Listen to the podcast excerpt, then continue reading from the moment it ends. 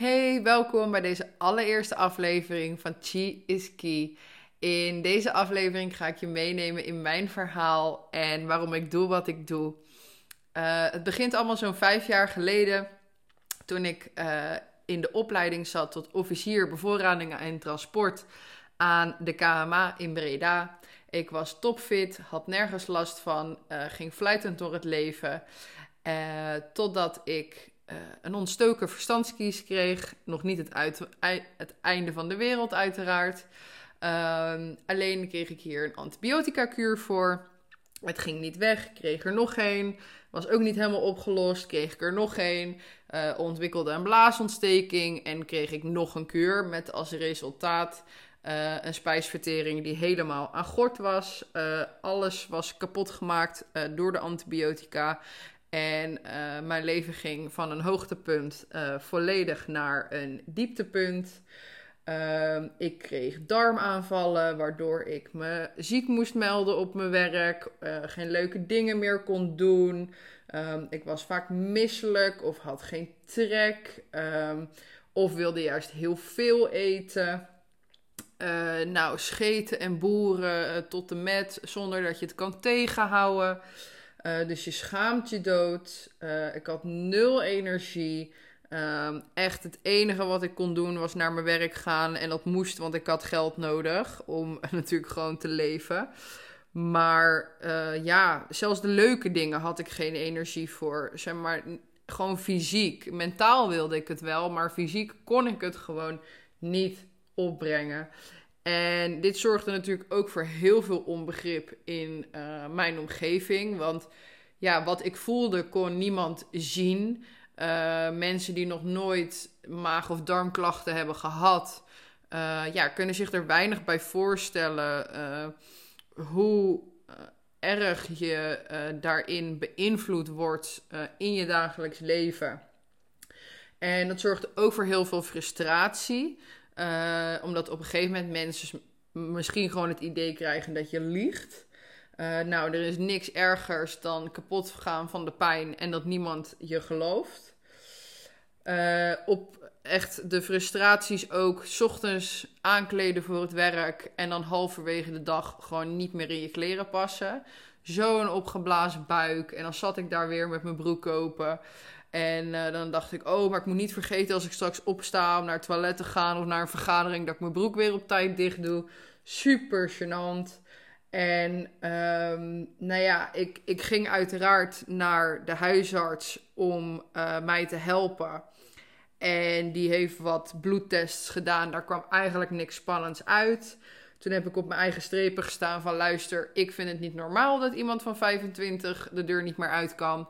Uh, ik wil meer onderzoeken.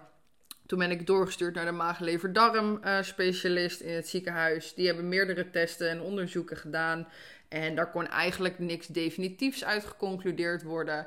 Dus dan krijg je de label prikkelbare darmsyndroom. Uh, ik kon me hier echt niet in vinden. Uh, puur dat ik dacht van ja, ik kan toch niet van de een op andere dag prikkelbare darmsyndroom ontwikkelen. En dat daar dan ook geen oplossing voor is. Uh, ze hebben me toen nog aangeboden om antidepressiva te gaan slikken. Toen dacht ik, nou, hou op met me. Uh, als kind heb ik een keer een depressie gehad. Toen heb ik ook geen medicijnen geslikt. Dus dat ga ik nu ook zeker niet doen als ik niet eens depressief ben. Uh, daar moeten toch andere oplossingen voor zijn. En toen is eigenlijk mijn zoektocht begonnen. Uh, zo heb ik van alles geprobeerd. Uh, darmspoelingen, detoxen. nou, noem het allemaal maar op. Diëten. En ik werd er echt gillend gek van.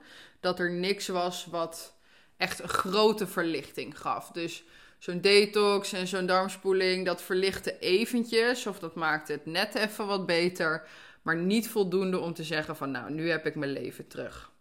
Uh, en toen kwam massage op mijn pad. En ik merkte dat, dat ik daar al wel een stuk beter van werd. En uh, toen heb ik ook mijn massagepraktijk opgezet om anderen hierbij te helpen. En toen uh, had ik zoiets van, nou, uh, de beste of de massage die mij het meeste hielp was de Qi Nai Tsang massage. Dat is een buikmassage, een Chinese buikmassage. En toen werd ik dus al een beetje geprikkeld door de Chinese geneeskunde. Toen uh, ben ik mij daar wat verder in gaan verdiepen. En kon me eigenlijk wel heel erg vinden in, in de verschillende pijlers die de Chinese geneeskunde heeft. Toen ben ik uh, Qigong les gaan volgen. En toen merkte ik een hele grote verandering. Ik kon beter slapen. Uh, ik was minder gefrustreerd. Mijn darmen werden rustiger. Uh, langere tijd tussen de aanvallen door. En toen dacht ik, nou kijk, dit gaat de goede kant op. toen heb ik een acupuncturist gezocht om dat nog verder te ondersteunen. En nu ben ik eigenlijk zo goed als van mijn klachten af. Um, ik ben niet genezen, dus als ik niet bepaalde dingen doe, zoals bewegen, uh, op mijn voeding letten, um, dan, of signalen herkennen, dan komt het gewoon weer terug. Uh, maar ik heb het wel volledig in eigen hand en eigen beheer. En dat is natuurlijk ontzettend fijn. En uh, dat heeft mij eigenlijk uh, geprikkeld om zelf uh, acupuncturist te willen worden. En ook anderen in deze situatie te kunnen helpen.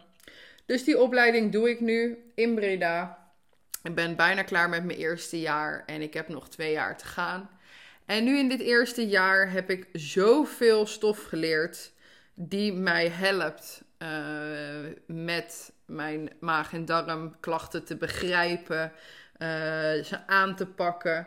En daarom dacht ik, ja, dit moeten andere mensen in mijnzelfde situatie gewoon weten. Want het is zo simpel.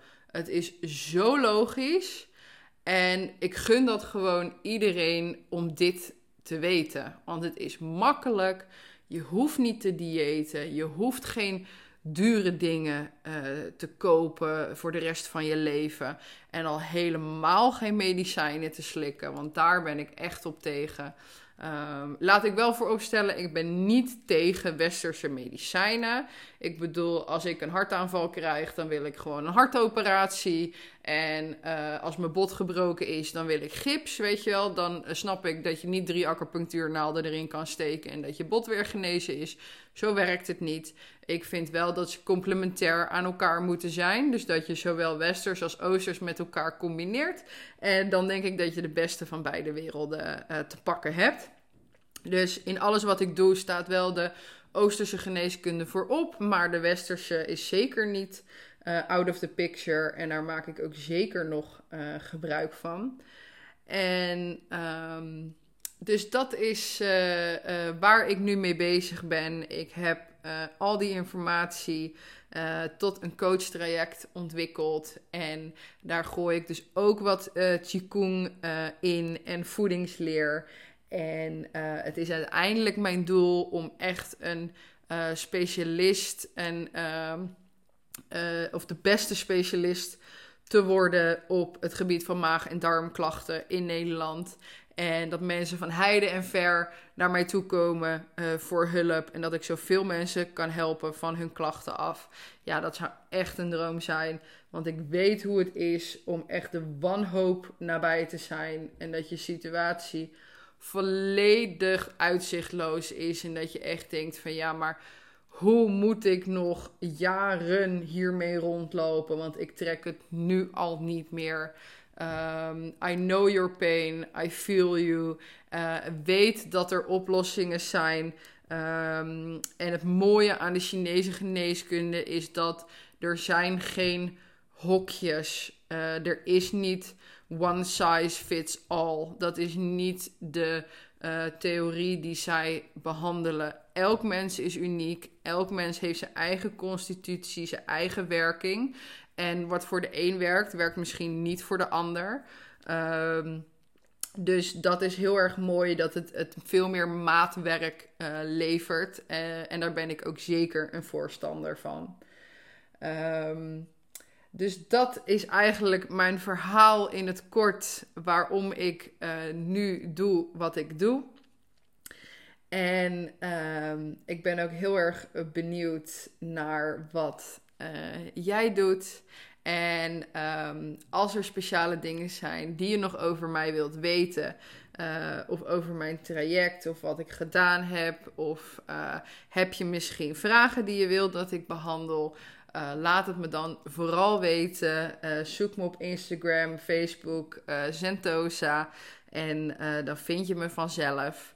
En ik zie je bij de volgende aflevering. Bedankt voor het luisteren.